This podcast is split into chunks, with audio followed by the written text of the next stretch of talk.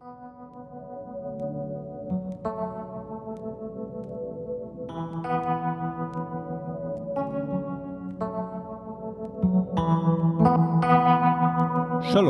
וברוכים הבאים לפודקאסט על מרקס. אני יפתח גולדמן. פרק 20, הוועד הפועל של הבורגנות. בשני הפרקים הקודמים של הפודקאסט על מרקס, הסברתי את תורת המדינה של מרקס, כפי שהיא מוצגת בחיבורו לשאלת היהודים. בלב הביקורת של מרקס על מושג האמנסיפציה, עומדת, כפי שראינו, הטענה ששוויון זכויות פוליטי וחירות אזרחית מלאה אינן הגשמה מלאה של חירות האדם.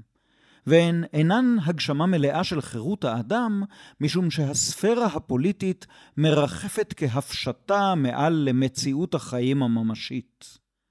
המדינה שהשלימה את תהליך האמנסיפציה הפוליטית היא מעין רפובליקה שמימית. האדם נכנס בשעריה בתור אזרח רק לאחר שהשיל מעליו את כל מאפייניו הפרטיקולריים והתנתק ממציאות חייו הקונקרטית. לפי מרקס, וגם לפי הגל, האמת היא קונקרטית. לכן אזרחות מופשטת אינה באמת אזרחות. אנושיות מופשטת אינה באמת אנושיות. חירות מופשטת אינה באמת חירות.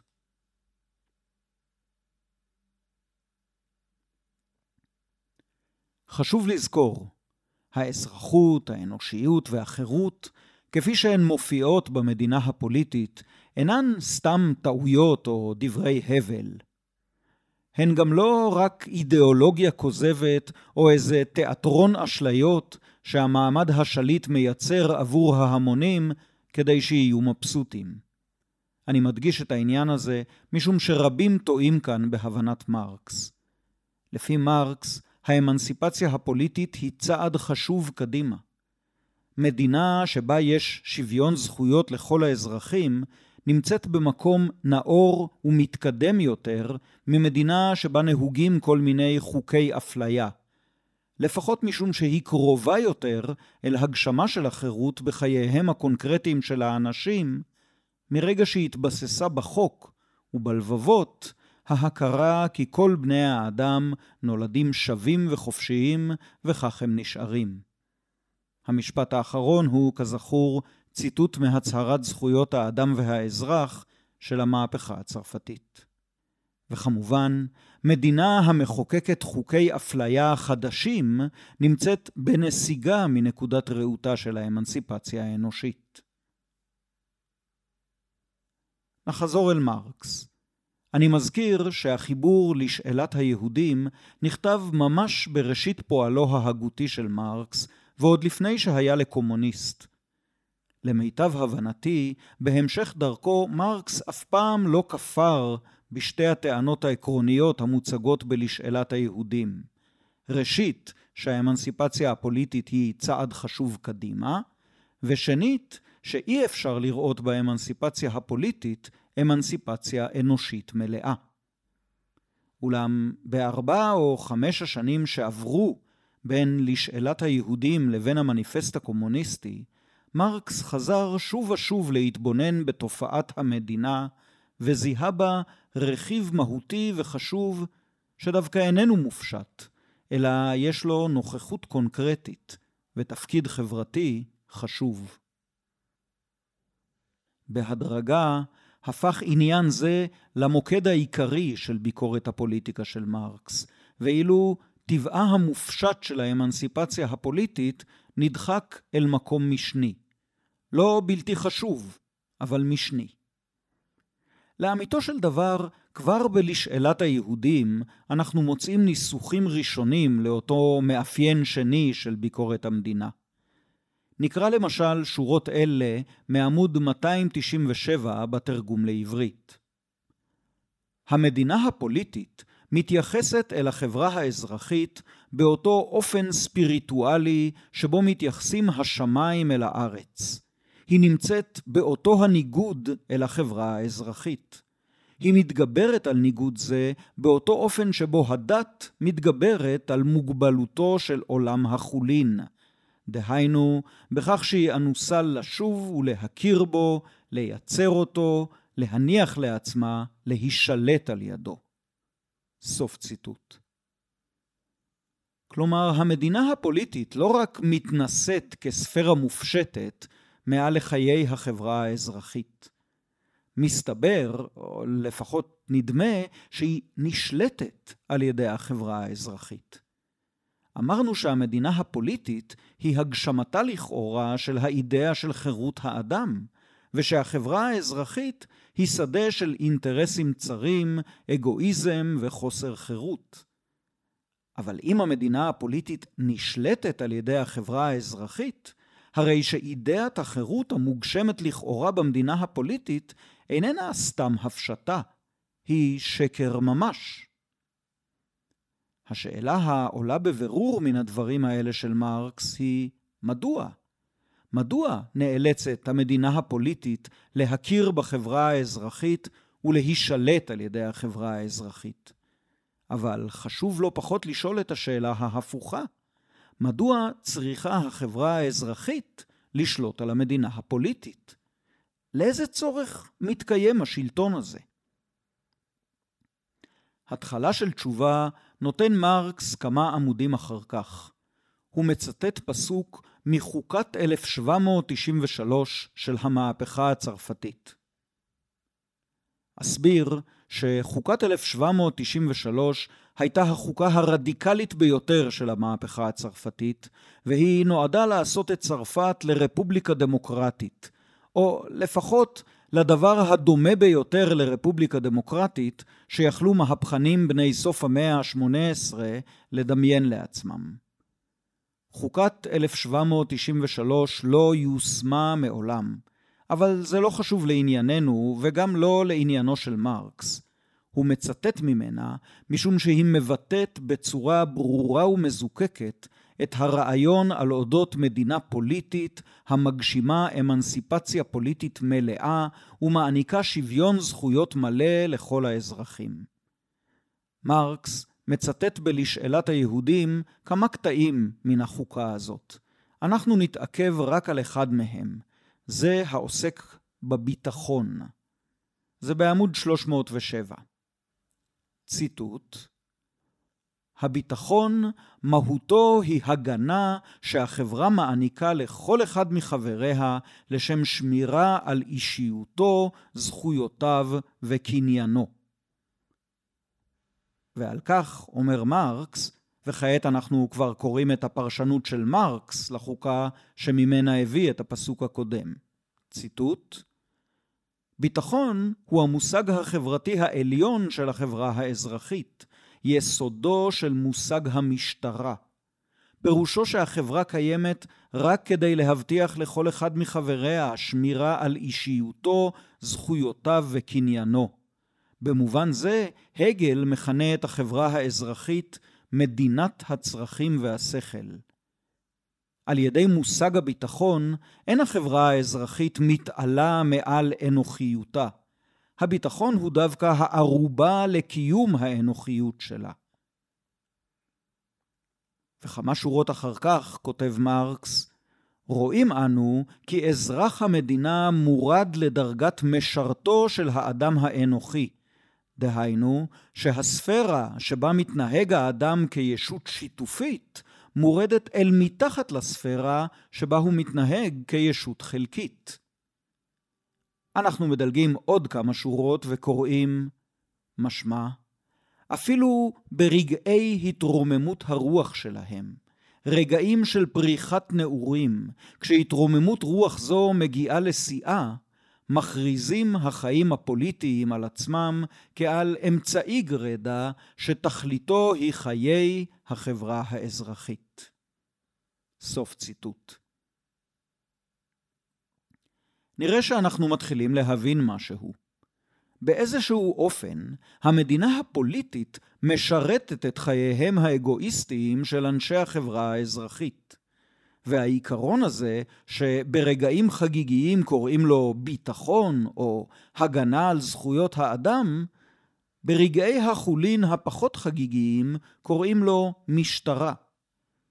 אבל זה עוד לא לגמרי ברור לנו, ולדעתי בשלב זה, זה עוד לא לגמרי ברור למרקס עצמו. אז בואו ניפרד מן החיבור המוקדם לשאלת היהודים, ונתקדם ממרקס שנתיים או שלוש קדימה. אני מזכיר שמרקס היגר מפרוסיה לצרפת זמן קצר לאחר שכתב את לשאלת היהודים. בצרפת מרקס פגש לראשונה את הסוציאליזם, וגם החל ללמוד את כתבי הכלכלנים הקלאסיים. כשגורש מצרפת, עבר לבריסל, והיה פעיל שם בחוג של מהפכנים גרמניים גולים כמוהו. בשנת 1846 מרקס הוא כבר לגמרי מרקס, כלכלן, היסטוריון, קומוניסט, מהפכן.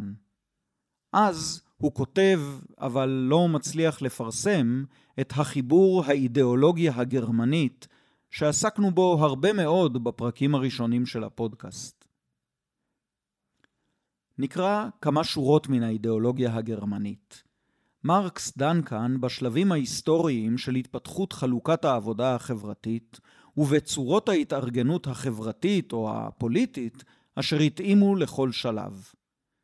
כאשר מגיע הדיון ההיסטורי אל ההווה, כלומר ההווה של מרקס בשנת 1846, הוא אומר כך, וזה ציטוט בהשמטות מסוימות מעמוד 266 בהאידיאולוגיה הגרמנית, כתבי שחרות, תרגום שלמה אבינרי.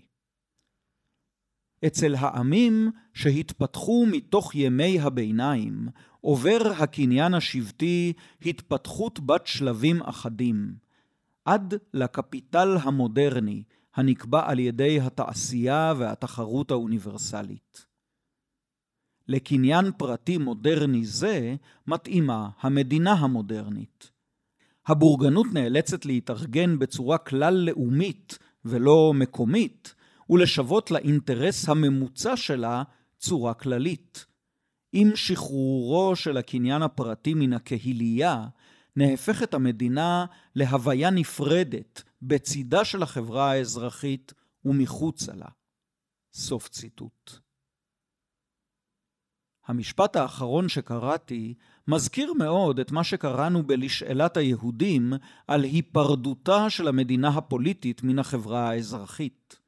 שם דיבר מרקס על הספירה הפוליטית כמרחפת מעל לחברה האזרחית, וכאן הוא מדבר עליה כעל הוויה נפרדת בצידה של החברה האזרחית ומחוצה לה.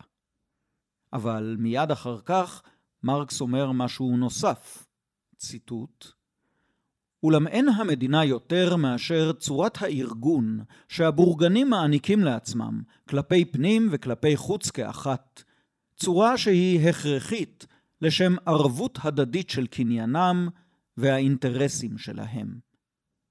וכמה שורות אחר כך, המדינה היא הצורה שבה מממשים בני מעמד שליט את האינטרסים המשותפים שלהם, ובה מתמצאת כל החברה האזרחית של תקופה כלשהי. סוף ציטוט. הופה. נראה שיצא כאן איזה מרצע מן השק. עכשיו אנחנו מבינים שהמדינה הפוליטית אינה סתם אידאה מופשטת של חירות האדם המרחפת כאשליה או הפשטה מעל לחברה האזרחית או לצידה. המדינה הפוליטית היא מכשיר בידי החברה האזרחית. היא המכשיר של החברה האזרחית.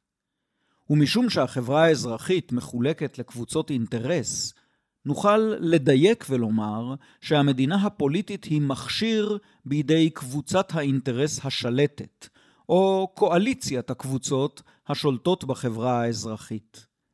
מעמד הבורגנים, בעלי ההון, הוא הקבוצה השלטת בחברה האזרחית המודרנית, ומכאן שהמדינה המודרנית היא מכשיר בידי הבורגנות לשם הגנה על הקניין הבורגני והאינטרסים הבורגניים. וכדי לקרוא דברים מפורשים עוד יותר, אנחנו עוברים אל המניפסט הקומוניסטי שפורסם בראשית שנת 1848.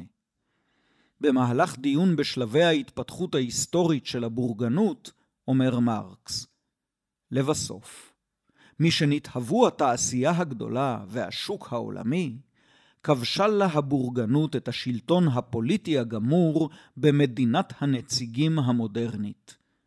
ממשל המדינה המודרני אינו אלא ועד פועל המנהל את העניינים המשותפים לכלל המעמד הבורגני. סוף ציטוט. רגע לפני שנמשיך, חשוב להבהיר שכאשר מרקס מדבר ב-1848 על מדינת הנציגים המודרנית, הוא מדבר על מדינת הנציגים המודרנית של שנת 1848. זו לא דמוקרטיה נציגותית מהסוג המוכר לנו, מן הטעם הפשוט שזכות הבחירה מוגבלת בצנז רכוש. כלומר שצריך להיות בעל רכוש כדי להשתתף בבחירות. וכמובן שצריך להיות גבר. כל מעמד הפועלים, גברים ונשים גם יחד, משולל זכות בחירה והיבחרות. הנציגים שבשלטון הנציגים הם בעיקרו של דבר נציגי הבורגנות, יחד עם הנציגים של המעמדות הישנים של הסדר הישן, האצולה ואולי גם הכנסייה. מדינת הבורגנות מגינה על האינטרסים המשותפים של הבורגנים. ברשותכם, אעזר בהערה שכתב פרידריך אנגלס להוצאה המחודשת של המניפסט בשנת 1888, ואחליף את השם בורגנים במושג הברור יותר קפיטליסטים, כלומר בעלי הון, כלומר הבעלים של אמצעי הייצור. ובכן, מה הם האינטרסים המשותפים של מעמד הקפיטליסטים? הדבר הראשון הבולט לעין הוא גם זה שמכריזים עליו כל ספרי הלימוד בכלכלה, התחרות שבין הקפיטליסטים. בעלי ההון מתחרים זה בזה, מנסים לגבור זה על זה, משמידים זה את זה מבחינה כלכלית, בולעים זה את זה. לכאורה, לא יכול להופיע כל אינטרס משותף במצב כזה של מלחמת הכל בכל. אבל אז אנחנו נזכרים בדבר שעושה את הקפיטליסט לקפיטליסט, הבעלות שלו על אמצעי הייצור. ובכן, זהו בדיוק האינטרס המשותף לכל הבורגנים, שהמדינה תגן על זכות הבעלות הפרטית שלהם. וכאן, סוף סוף, אני יכול להתחיל לסגור ולחבר את הקצוות. אני מבקש להחזיר אתכם אל הפעם הראשונה שבה הזכרתי בפודקאסט על מרקס את תורת המדינה של מרקס. זה היה בפרק 15, ששודר לפני כחודשיים וחצי. סיפרתי לכם שם על מפעל דמיוני שבו עשרה פועלים ובעלים אחד. זה היה מפעל לייצור סיכות, כהומאז' לאדם סמית. סיפרתי שיום אחד החליטו הפועלים כי מעתה הסיכות שהם מייצרים בעמל כפיהם שייכות להם, ולא לקפיטליסט. הם ימכרו אותן בשוק ויחלקו ביניהם את התמורה כראות עיניהם. יתר על כן, הפועלים החליטו שמעתה הם יהיו גם הבעלים במשותף של המכונות, של חומרי הגלם ושל מקורות האנרגיה הדרושים לצורך העבודה במפעל הסיכות. כמובן שבעל המפעל רתח מזעם ושאל את הפועלים באיזו זכות הם קיבלו את ההחלטות השערורייתיות האלה. ואז הם הזמינו אותו להשתתף באספה דמוקרטית של כל באי המפעל, שבסופה יצביעו על השאלה למי שייכות הסיכות ולמי שייכים אמצעי הייצור. ההחלטה, כך הם הבטיחו, תתקבל ברוב קולות, והבעלים של המפעל יוזמן לא רק להביע את דעתו, אלא גם להשתתף בהצבעה. עכשיו אספר לכם את המשכו של הסיפור הדמיוני הזה. בעל המפעל ירוץ אל תחנת המשטרה הקרובה ויזעיק למפעל את מפקד המשטרה. והמפקד יגיע מלווה בכמה שוטרים ויבהיר לפועלים שהסיכות שיוצרו במפעל שייכות למעסיק שלהם, ושאם הם לוקחים את הסיכות ממנו, הרי הם שולחים ידם בגניבה. איך זה יכול להיות? ישאלו הפועלים. הרי אנחנו ייצרנו את הסיכות הללו במו ידינו ממש הבוקר. כמובן, יענה להם מפקד המשטרה, אבל עוד לפני שהתחלתם בעבודת ייצור הסיכות, כבר חתמתם על חוזה עבודה עם בעל המפעל, שעל פיו אתם מעבירים לרשותו את כוח עבודתכם. ולכן כוח העבודה שייצר את הסיכות לא היה שלכם, אלא שלו. כן, מפקד המשטרה הוא מאזין מסור של הפודקאסט על מרקס. נו, בטח, ישיבו הפועלים למפקד. הרי לא היו לנו מכונות, חומרי גלם ודלק כדי לייצר סיכות. לכן לא הייתה לנו ברירה אלא למכור את כוח עבודתנו לבעל המפעל. בדיוק משום כך, אנחנו דורשים עכשיו שלא רק הסיכות יעברו לידינו, אלא שגם אמצעי הייצור יעברו לידינו. אפילו החלטנו על כך בהצבעה ברוב קולות של עשרה נגד אחד.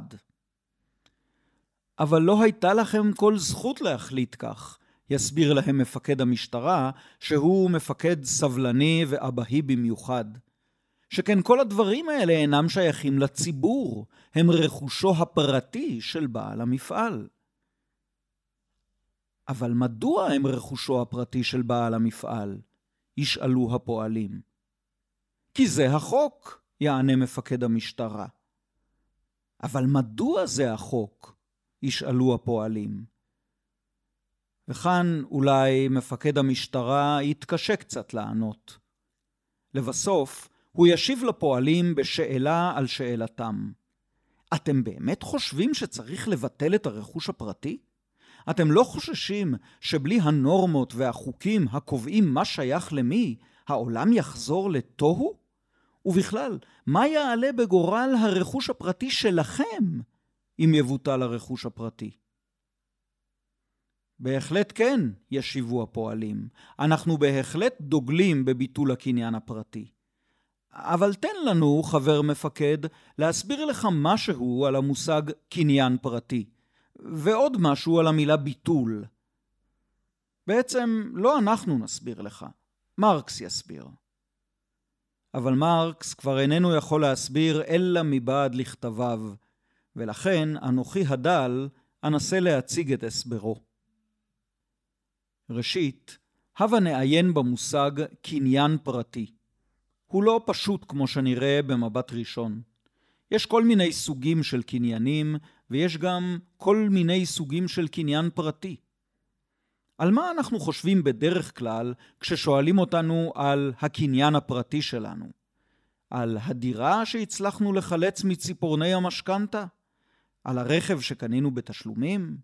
על הסמארטפון, המחשב, פמוטי הכסף שירשנו מסבתא, החולצה שלגופנו, גביע הקוטג' שמחכה לנו במקרר, וכמובן המקרר עצמו. מה משותף לכל הדברים הללו? הם דברים בעולם, תוצרים של טבע גולמי ועבודה אנושית שעומדים לרשותנו לשימושנו הפרטי.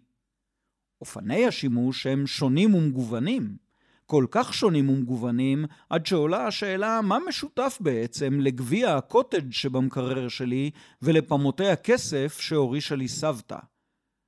שניהם קניינים שלי, אבל מה זה אומר בעצם?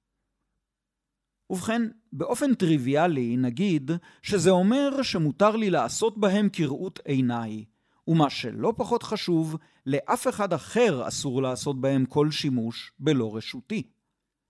אם אכנס לחנות מכולת, אקח עשרה גביעי קוטג' ואטיח אותם ברצפה, בעל המכולת ישלוף עלה מתחת לדלפק שלו, או יזעיק את המשטרה. אבל אם, לעומת זאת, אכנס למכולת, ארכוש את עשרת גביעי הקוטג' בכסף מלא, אקח אותם לביתי ושם אטיח אותם ברצפה, השכנים אולי יתלחשו, אבל איש לא יערער על זכותי לעשות כרצוני ברכושי הפרטי. אבל יש עוד משהו שמשותף לכל הקניינים המגוונים שמניתי קודם. התכונה המשותפת הזאת היא לא מה שהם, אלא מה שהם לא. הם לא אמצעי ייצור. אני לא עובד בגביעי הקוטג' שלי, ולא מייצר בעזרת פמוטי הכסף, ולא מפיק תוצרים מן החולצה שלגופי. ומה שאפילו יותר חשוב, לא רק שאני לא משתמש בקניינים הללו כדי לייצר, אני גם לא יכול ולא רוצה ולא צריך להעסיק אנשים אחרים שיעבדו בהם וייצרו בעזרתם. משום שאלה מוצרי צריכה, לא אמצעי ייצור, ובכך הם נבדלים הבדל עקרוני מן המכונות, חומרי הגלם ומקורות האנרגיה שהם קניינו הפרטי של בעל מפעל הסיכות. אז חברות וחברים, מאזיני הפודקאסט על מרקס, יצרני סיכות, מפקדי משטרה וכל באי עולם, אנא אמצו את הכלל המעשי הבא: בכל מקום, או כמעט בכל מקום, שבו מרקס מדבר על ביטול הקניין הפרטי, החליפו במחשבתכם את הביטוי הזה בביטוי ביטול הבעלות הפרטית על אמצעי הייצור. מרקס מעולם לא התכוון לביטול הקניין הפרטי באיזושהי משמעות אחרת של מושג זה, פרט למשמעות שלו כאמצעי ייצור, וליתר דיוק, אמצעי ייצור שמבעד לבעלות עליהם רוכשים בעלות על עבודה שכירה המייצרת ערך עודף. זה ותו לא. אם כי גם זה כמובן לא מעט. הנה שתי שורות מן המניפסט הקומוניסטי. נראה לי שהן מבהירות עניין זה באופן שלא משאיר מקום לספק. ציטוט אין ברצוננו לבטל כל עיקר את הרכישה האישית הזאת של תוצרי העבודה לשם התחדשות החיים הבלתי אמצעיים. וקצת אחר כך, אין הקומוניזם נוטל מאיש את הכוח לנכס לו תוצרים חברתיים. הוא נוטל ממנו רק את הכוח לשעבד לו על ידי ניכוס זה את עבודת זולתו. זה ממש ממש חשוב להבין את מרקס היטב בנקודה זו. כל עוד אנחנו חושבים על פמותי הכסף, או הקוטג' או החולצה, אנחנו פשוט לא מבינים את העניין. אני מכיר כל מיני סיפורים על אנשי העלייה השנייה והשלישית שביטלו את הבעלות הפרטית עד לרמת הגופיות והתחתונים. אומר את האמת, אני לא יודע עד כמה הסיפורים הללו אמיתיים. אני לא מומחה לתנועת העבודה הציונית. אבל דבר אחד אני יודע לבטח. אם אכן ביטלו ראשוני הקבוצות והקיבוצים את הרכוש הפרטי, גם במובן אישי צרכני זה, הם לא יכולים לומר שלמדו זאת ממרקס. על כורחי אני נזכר במערכון ישן של החמישייה הקאמרית. חברי החמישייה מגלמים חבורת חלוצים מן העלייה השנייה.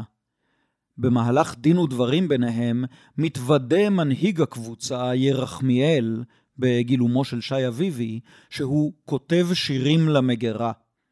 מנשה נוי, בתפקיד האידיאולוג או הפילוסוף של הקבוצה, נוזף בו.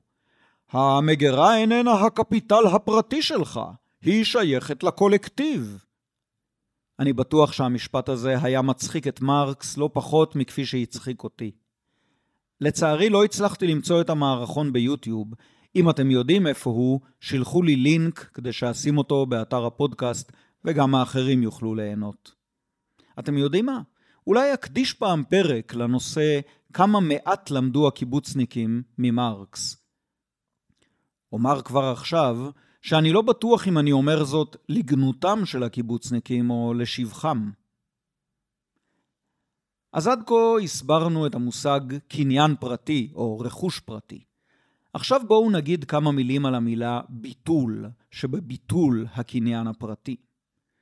וכאן, חברות וחברים, אני צריך ללמד אתכם את אחד המושגים החשובים ביותר בדיאלקטיקה ההגליאנית-מרקסית. זאת מילה בגרמנית, אז תחזיקו חזק. המילה היא אופהבונג, כשהיא מופיעה כשם עצם מופשט, כמו חיסול או ביטול, ואופהבן כשהיא מופיעה כצורת הפעולה, כמו לחסל או לבטל. בגרמנית יש למילה הזאת כמה משמעויות, המתארגנות כולן בשלושה שדות סמנטיים הנראים כבלתי מתיישבים זה עם זה. בשדה סמנטי אחד, משמעות המילה אופהבונג היא משהו כמו ביטול. בשדה סמנטי אחר, משמעותה דווקא שימור, ובשדה סמנטי שלישי, היא מציינת משהו כמו הסגבה או הבאה אל מדרגה גבוהה יותר. אין לי מושג כמה בירה שתו הגרמנים הקדומים ביום שבו המציאו את השפה שלהם, אבל ככה זה יצא ועכשיו כבר מאוחר מדי לשנות. אז כשהמילה הזאת מופיעה במשפט כלשהו בגרמנית, אתם אמורים להבין מתוך ההקשר מהי המשמעות הרלוונטית. עכשיו בא הפילוסוף הגל וחולל את אחד התרגילים המרהיבים בתולדות הפילוסופיה, לפחות לדעתי. הוא אימץ את האופהבונג כמושג מפתח בתורתו הדיאלקטית, וחיבר את כל שלוש המשמעויות שלו זו אל זו. לפי הגל, האופהבונג הוא תהליך שבו משהו נשמר, משהו מתבטל ומשהו מוסגב או משודרג. מה שנשמר זו המהות או התוכן של הדבר שבו מדובר, ותוכן זה הוא פוטנציאל ההתפתחות של הדבר. מה שמבוטל הוא צורת ההופעה הנוכחית, האקטואלית, של התוכן המהותי הזה. ומשבוטלה צורת הופעתו הנוכחית, התוכן מתעלה ומשתדרג לצורת ביטוי נעלה יותר, משוכללת יותר, לפריסה שלמה יותר של תכונותיו המהותיות. נבהיר זאת בעזרת המשל שהוא כנראה הנפוץ ביותר.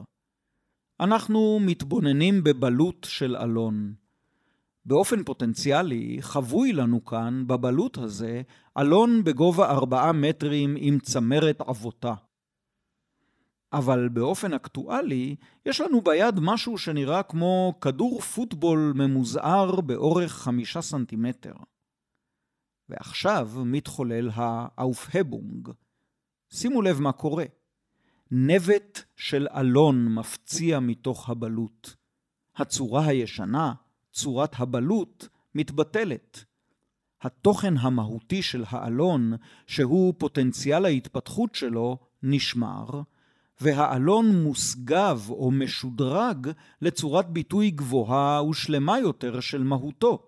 צורת הנבט דומה יותר מצורת הבלוט לאלון בשיא תפארתו.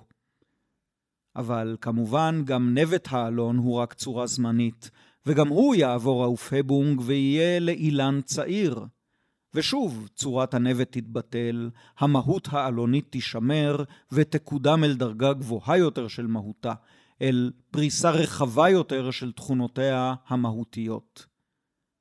וכך, בסדרה של אירועי אופהבונג, אנחנו מגיעים מן הבלוט הקטן אל האלון בשיא תפארתו.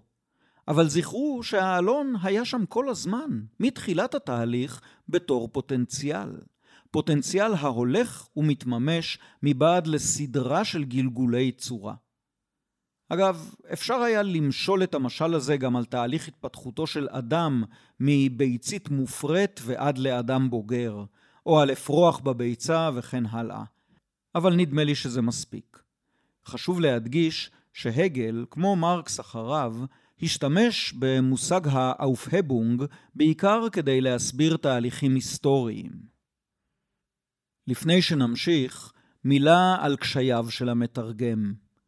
קשה למצוא תרגום מוצלח לאופהבונג, משום שבעברית אין מילה שמבטאת את כל שלושת שדות המשמעות. כשמתרגמים סתם טקסט מגרמנית לעברית זה לא מפריע, משום שהאופהבונג מופיע בדרך כלל רק באחת מן המשמעויות שלו. אבל כשמתרגמים טקסט דיאלקטי הגליאני או מרקסיסטי, נתקלים בבעיה. היה פעם ניסיון של פרופסור ירמיהו יובל להמציא מונח עברי מלאכותי שישמר לפחות שתיים משלוש המשמעויות של ה Aufhebung. יובל עצמו התעקש להשתמש במונח שהמציא, אולם לדעתי זה היה ניסיון מועד לכישלון מראשיתו. ובכל זאת צריך למצוא פתרון. פרופסור צבי טאובר, המורה שלי לפילוסופיה מרקסיסטית, גורס ביטול דיאלקטי או שלילה דיאלקטית כתרגומים לאופהבונג. אני הולך בעקבותיו בעניין זה, משום שזה נראה לי הפתרון המוצלח ביותר. ובלבד שאנחנו זוכרים כל הזמן את כל שלוש המשמעויות של הביטול הדיאלקטי. אבל המתרגמים של מרקס לעברית חשבו, ולדעתי בצדק, שחייבים לבחור בפועל אחד, והעדיפו בדרך כלל את המשמעות הדומיננטית של האופבונג אצל מרקס. הם תרגמו ביטול. וזו הנקודה החשובה. כמעט בכל המקומות שבהם מרקס אומר בעברית ביטול, או לפחות במקומות הקריטיים שבהם הוא אומר זאת, הוא אומר בגרמנית אופהבונג או אופהבן. וזה מחזיר אותנו אל ביטול הרכוש הפרטי. אני שב וקורא מתוך המניפסט הקומוניסטי. אגב, אני נמנע מלתת מספרי עמודים, משום שהמניפסט יצא לאור בעברית בהרבה מהדורות, עם עימוד שונה בכל אחת, וגם אפשר למצוא אותו באינטרנט. אבל כל הציטוטים שאני מביא היום מן המניפסט, לקוחים מן הפרק השני, שכותרתו פרולטרים וקומוניסטים. ובכן, כל יחסי הקניין היו נתונים לתמורה היסטורית מתמדת, לשינוי היסטורי מתמיד. המהפכה הצרפתית למשל ביטלה את הקניין הפאודלי לטובת הקניין הבורגני. הדבר המייחד את הקומוניזם אינו ביטולו של הקניין בכללו, אלא ביטולו של הקניין הבורגני. אך הקניין הפרטי הבורגני המודרני הוא הביטוי האחרון והמושלם ביותר לאותו ייצור וניכוס של תוצרים העומד על ניגודי מעמדות, על ניצולם של אלה בידי אלה.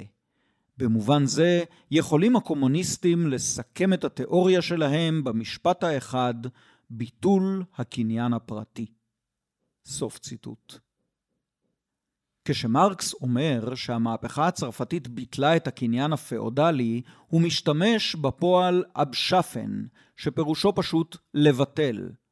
ומיד אחר כך, כשהוא מייחס לקומוניזם את השאיפה לביטול הקניין הפרטי הבורגני, הוא שוב משתמש באותו פועל ויוצר מעין אנלוגיה טרנס-היסטורית בין מה שעשתה הבורגנות לפאודליזם לבין מה שרוצה הקומוניזם לעשות לבורגנות.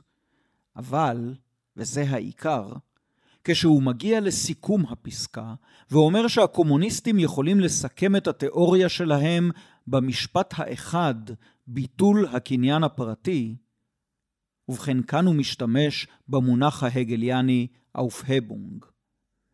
מרקס היה תלמיד של הדיאלקטיקה ההגלית הרבה יותר מכפי שהסכים להודות. הוא גם ידע היטב, כפי שמודגם בפסקה לאל, שיש דרכים שונות להגיד ביטול בגרמנית.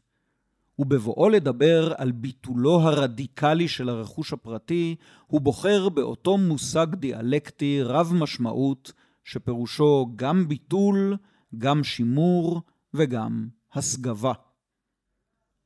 מעצם טיבו קשור הרכוש הפרטי בעובדה שהאדם מצוי באינטראקציה חיונית עם העולם שסביבו. על מנת להתקיים הוא צריך לקיים חילוף חומרים עם הטבע.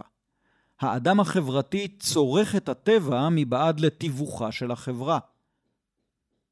הלחם שאנו אוכלים הוא מוצר חברתי, אבל כל אדם שאוכל פרוסת לחם הופך אותה לשלו במובן המיידי ביותר, הוא הופך אותה ממש לחלק מגופו. ככל שהאדם מפותח ומשוכלל יותר, יש לו צרכים רבים ומגוונים יותר. אם יש לו כישרון למוזיקה, הוא זקוק לפסנתר או לכינור. אם הוא טוב בעבודת כפיים, הוא זקוק לכלים ולמכשירים. אם יש לו חוש אסתטי מעודן, הוא זקוק לבגדים יפים או לדירה נאה. כל אלה הם ביטויים של רכושנות כביכול, שעיקר תפקידם לאפשר לאדם להתקיים ולממש את אנושיותו באופנים רבים ומגוונים. אבל אמרנו קודם שמושג הרכוש כרוך גם בהכרה חברתית בכך שהדבר הוא שלך, כלומר שהוא נתון לשימושך שלך.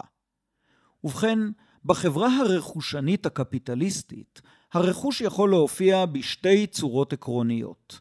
האחת, כבעלות פרטית על אמצעי ייצור שמאפשרת לך לרכוש ולנצל את כוח עבודתם של אחרים. והשנייה, כמוצרי צריכה הנתפסים כשלך, מן הטעם הפשוט שאתה יכול להראות קבלה על הקנייה. שתי צורות הביטוי הללו של הקניין הפרטי הן פרימיטיביות ומוגבלות. אין כאן זיקה אמיתית, מהותית, בין האדם לבין רכושו, אלא יחס מקרי וחיצוני. אם כן, הצורה הפרימיטיבית הזאת של הרכוש הפרטי, זו המקובלת בחברה הבורגנית, עתידה להתבטל במהפכה הקומוניסטית. בחברה הקומוניסטית מושגי הרכוש שלנו יעברו הסגבה וילבשו צורה חדשה, הולמת יותר. הם יתאימו לסדר חברתי השואף לשחרר את בני האדם ולאפשר להם להתחבר אל העולם בדרכים שונות ומגוונות. להתחבר אל העולם וליצור אותו, במקום שיבעלו אותו. במחזה מעגל הגיר הקווקזי של ברכט זה מנוסח במילים יהי הכל שייך לכל שיוכל להיטיב עמו. כך תרגם נתן זך. במניפסט הקומוניסטי זה כתוב כך: במקום החברה הבורגנית הישנה, על מעמדותיה ועל ניגודי מעמדותיה, באה התאגדות, שבה ההתפתחות החופשית של כל יחיד היא התנאי להתפתחות החופשית של הכלל. ובביקורת תוכנית גותה, טקסט מאוחר מאוד של מרקס, מן העשור האחרון לחייו, מופיעה הסיסמה המפורסמת מכל אחד כפי יכולתו, לכל אחד לפי צרכיו. כאן נעצור, ברגע נשגב. אבל לפני שניפרד, אתן לכם שיעורי בית. כן, הנה, לראשונה בתולדות הפודקאסט על מרקס, יש שיעורי בית. אתם זוכרים איך התחלנו את הדיון בתורת המדינה של מרקס בפרק השישה עשר של הפודקאסט? קראתי לכם פסקה קצרה של מרקס המוקדם. זה הלך ככה: המהפכה בכלל, כלומר מיגור השלטון הקיים ופירוק היחסים הישנים, היא מעשה פוליטי. אולם הסוציאליזם אינו יכול להתממש ללא מהפכה. הוא זקוק למעשה פוליטי זה ככל שהוא זקוק להרס ולפירוק. אבל במקום שבו מתחילה פעילותו המארגנת, במקום שבו מתגלה תכליתו העצמית, נשמתו, שם משיל מעליו הסוציאליזם את המעטה הפוליטי שלו. סוף ציטוט. אז אני רוצה להציע לכם עכשיו שגם בפסקה הזאת מתואר תהליך של אופהבונג, ביטול דיאלקטי של הסוציאליזם עצמו. ושיעורי הבית שלכם, מאזינים יקרים, הם למצוא כאן את שלושת היסודות של הביטול הדיאלקטי. מהו התוכן המהותי שנשמר, מהי הצורה הראשונית, האקטואלית, שמבוטלת, ומהי הצורה החדשה וההולמת יותר את תכני המהות המפציעה מתוך התהליך. זה תרגיל החובה. ועכשיו לתרגיל הרשות. בתורתו של מרקס יש עוד כמה ביטולים חשובים, ואלה תמיד ביטולים דיאלקטיים. הנה העיקריים שבהם ביטול הרכוש הפרטי, שבו עסקנו היום, ביטול המדינה או ביטול השלטון הפוליטי, ואולי אפילו ביטול הפוליטיקה, וגם זה קשור מאוד לדיון שלנו בשבועות האחרונים, ביטול העבודה, וגם אולי ביטול המשפחה. לגבי כל אחד מן הביטולים הדיאלקטיים הללו, אתם מוזמנים לנסות לעשות את התרגיל שעשינו עכשיו. לשאול את עצמכם מהו התוכן המהותי הנשמר, מהי הצורה האקטואלית האמורה להתבטל, וגם אולי לומר מילה על הצורה החדשה אשר תחליף את זו שהתבטלה. בהצלחה. עד כאן הפודקאסט על מרקס להיום. אני יפתח גולדמן. תודה ליאיר סיטבון על המוזיקה ועל הפקת הסאונד.